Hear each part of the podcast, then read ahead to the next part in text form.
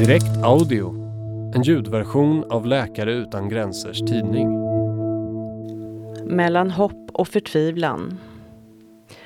Aldrig tidigare har så många människor befunnit sig på flykt som idag. Men för många går drömmen om en tryggare och bättre tillvaro i kras. Istället fastnar de i ett kretslopp av våld, utsatthet och juridisk limbo. Ofta med förödande konsekvenser för hälsan. Det finns olika sätt att beskriva flykt. Ett sätt är att utgå från siffrorna. Till exempel att var 75 människa i världen, drygt 100 miljoner, har tvingats lämna sitt hem och att fler än hälften är internflyktingar i sitt eget land. Ett annat sätt är att fokusera på orsakerna. De väpnade konflikterna, naturkatastroferna, fattigdomen och i allt större utsträckning klimatförändringarna som kan bli den avgörande droppen för den som redan lever i utsatthet. Eller så börjar vi med konsekvenserna. En del av dem förstås positiva, som möjligheten att hitta en säker plats där livet kan börja om på nytt. Men i stor utsträckning är följderna av flykt och andra former av ofrivillig migration negativa, inte minst för hälsan. Dit hör risken att utsättas för våld, inklusive sexuellt våld och tortyr, liksom att under lång tid befinna sig i ett slags ingenmansland, vilket kan ha en förödande effekt för den psykiska hälsan. Faktum är, säger Rim Moussa, som är koordinator för Läkare utan gränsers arbete med påtvingad migration, att sambandet mellan migration och försämrad hälsa inte alls är någonting självklart. Vad som framförallt påverkar hälsan negativt är snarare svårigheterna på vägen i kombination med en allt hårdare lagstiftning i mottagarländerna. Alla former av påtvingad migration innebär risker, säger hon. Människor är ofta på väg under lång tid, de fastnar på vägen och kan befinna sig i någon form av transitsituation i flera år utan vare sig pengar eller en tydlig juridisk status. Under hela den här tiden saknar de tillgång till sjukvård och får varken hjälp för enkla åkommor, kroniska sjukdomar som kräver behandling eller för skador, fortsätter Rimosa. Det gäller även de mest sårbara grupperna som barn och gravida kvinnor. Det är också väldigt tydligt att den restriktiva flyktingpolitik som flera av världens rikaste länder har infört har extremt negativa konsekvenser, inte minst på den psykiska hälsan. Läkare utan gränser jobbar ofta i komplicerade kontexter som väpnade konflikter och i samband med naturkatastrofer där människor mår psykiskt väldigt dåligt. Men nästan ingenstans ser vi samma nivåer av psykisk ohälsa som bland människor som tagit sig till väst och sen fastnat i systemet, konstaterar Rim Mossa. De befinner sig i en situation där det inte finns någon väg framåt, men inte heller tillbaka. De sitter fast. Och en sån situation kan ha mycket allvarliga konsekvenser för den psykiska hälsan. Johanna Bogren är psykolog och har nyligen jobbat i ett halvår för Läkare utan gränser på Lesbos.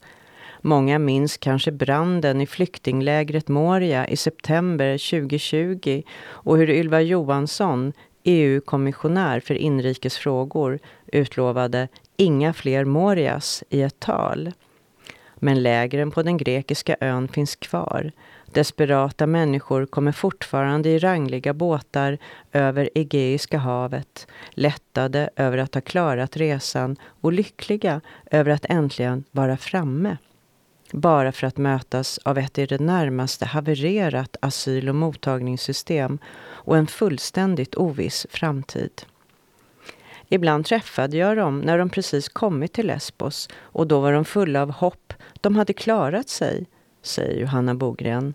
Men redan efter några månader hade allt det här hoppet försvunnit. All kraft, all den styrka som hade krävts för att de skulle klara av att ta sig hela vägen hit, lämna sitt land, kanske tvingas in i prostitution längs vägen eller utsättas för våld.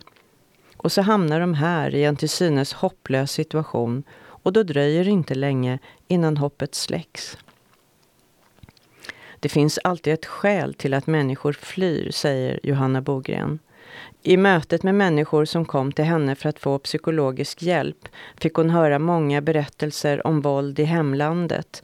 Till exempel unga kvinnor som blivit våldtagna och sen tvingats gifta sig med sin förövare. Män från Kongo-Kinshasa som flytt undan det väpnade våldet där. Människor från Afghanistan som var förföljda av talibanerna. Folk hade väldigt olika berättelser men gemensamt för de flesta var att de hade bevittnat våld, säger Johanna Bogren, hemma eller längs vägen. Många hade upplevt skeppsbrott där de hade tappat taget om sina barn eller sett sina bästa vänner drunkna. Det finns som sagt alltid ett skäl till att människor flyr.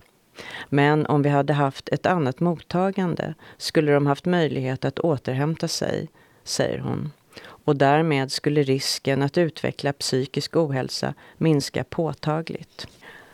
Bland de som kommer till Läkare utan gränsers klinik som ligger i anslutning till flyktinglägret är det inte ovanligt med fysiska problem. Ibland svåra skador efter tortyr eller annat våld. Kvinnor som utsatts för sexuellt våld eller tvingats prostituera sig längs vägen kan ha sexuellt överförda infektioner, vara gravida eller nyförlösta. Det är viktigt att fånga upp de här kvinnorna, säger Johanna Bogren. Genom att stärka deras kapacitet kan man samtidigt fånga upp de nyfödda eller kommande barnen. Den psykologiska hjälpen är jätteviktig, säger hon. Men ibland överskuggas det behovet av fysiska problem och då måste vi ta hand om det först, innan vi kan hjälpa dem med de inre såren. Hur hjälper man då någon som befinner sig i vad Johanna Bogren liknar vid hopplöshetens ändlösa kvicksand? Det är inte lätt alla gånger, särskilt inte eftersom hon aldrig vet hur länge personerna kommer att vara kvar i lägret. Bara att bygga upp någon form av tillit tar tid. Därför måste fokus i mötet alltid ligga på här och nu. Jag försöker hjälpa dem att hitta en inre styrka, säger hon. Påminna dem om allt de har klarat av för att ta sig till Europa. Många vill först prata om båtresan som av alla beskrivs som fasansfull.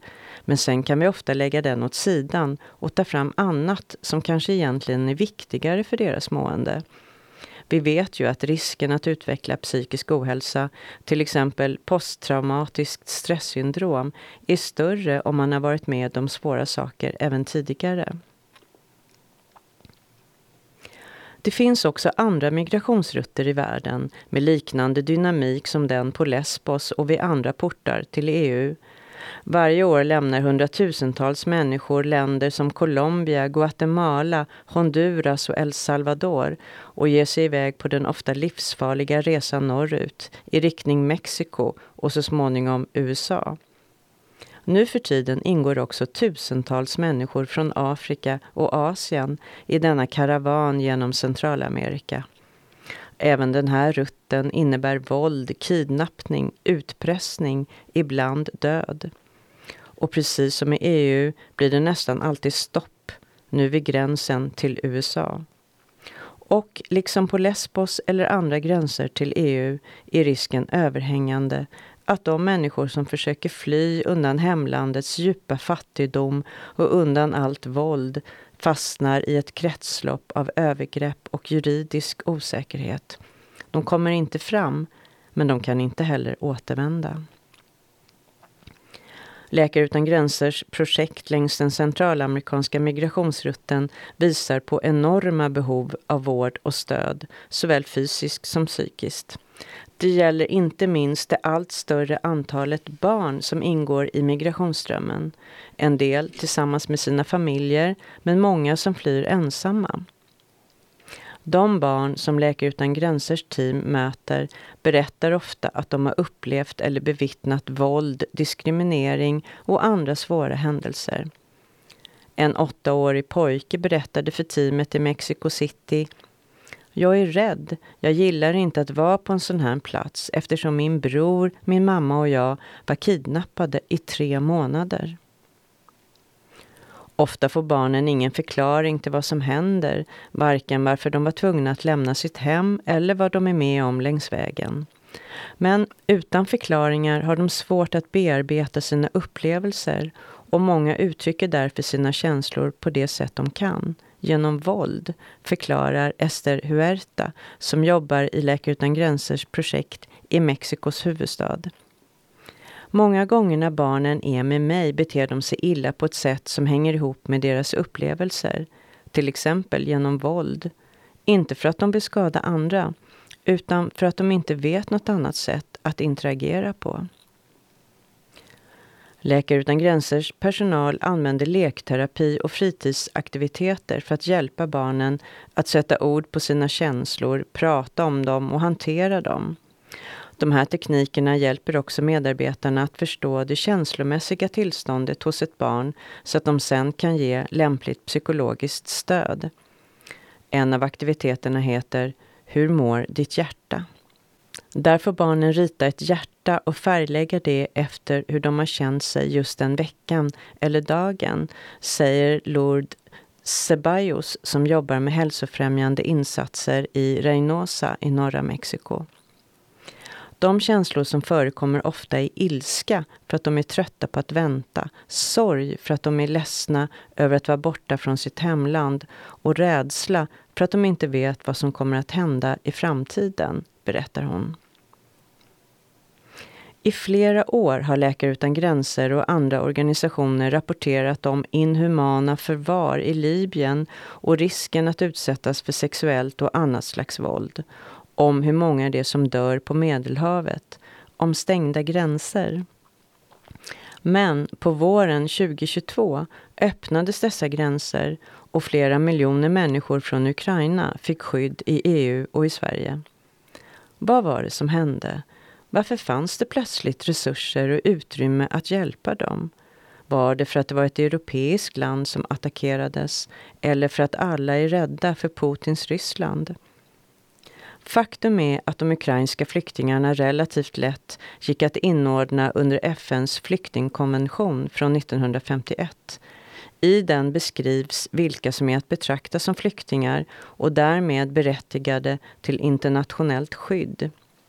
Det vill säga människor med välgrundad fruktan för förföljelse.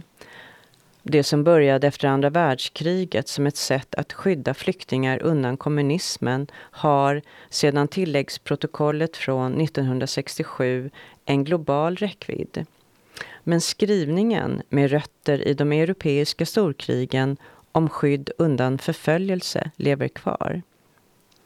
Ukrainarna kände välgrundad fruktan för förföljelse när Ryssland attackerade men en fattig familj nära svältgränsen i Senegal, en våldtagen kvinna i Nigeria, en ung man som riskerar att bli indragen i gängkrig i Honduras.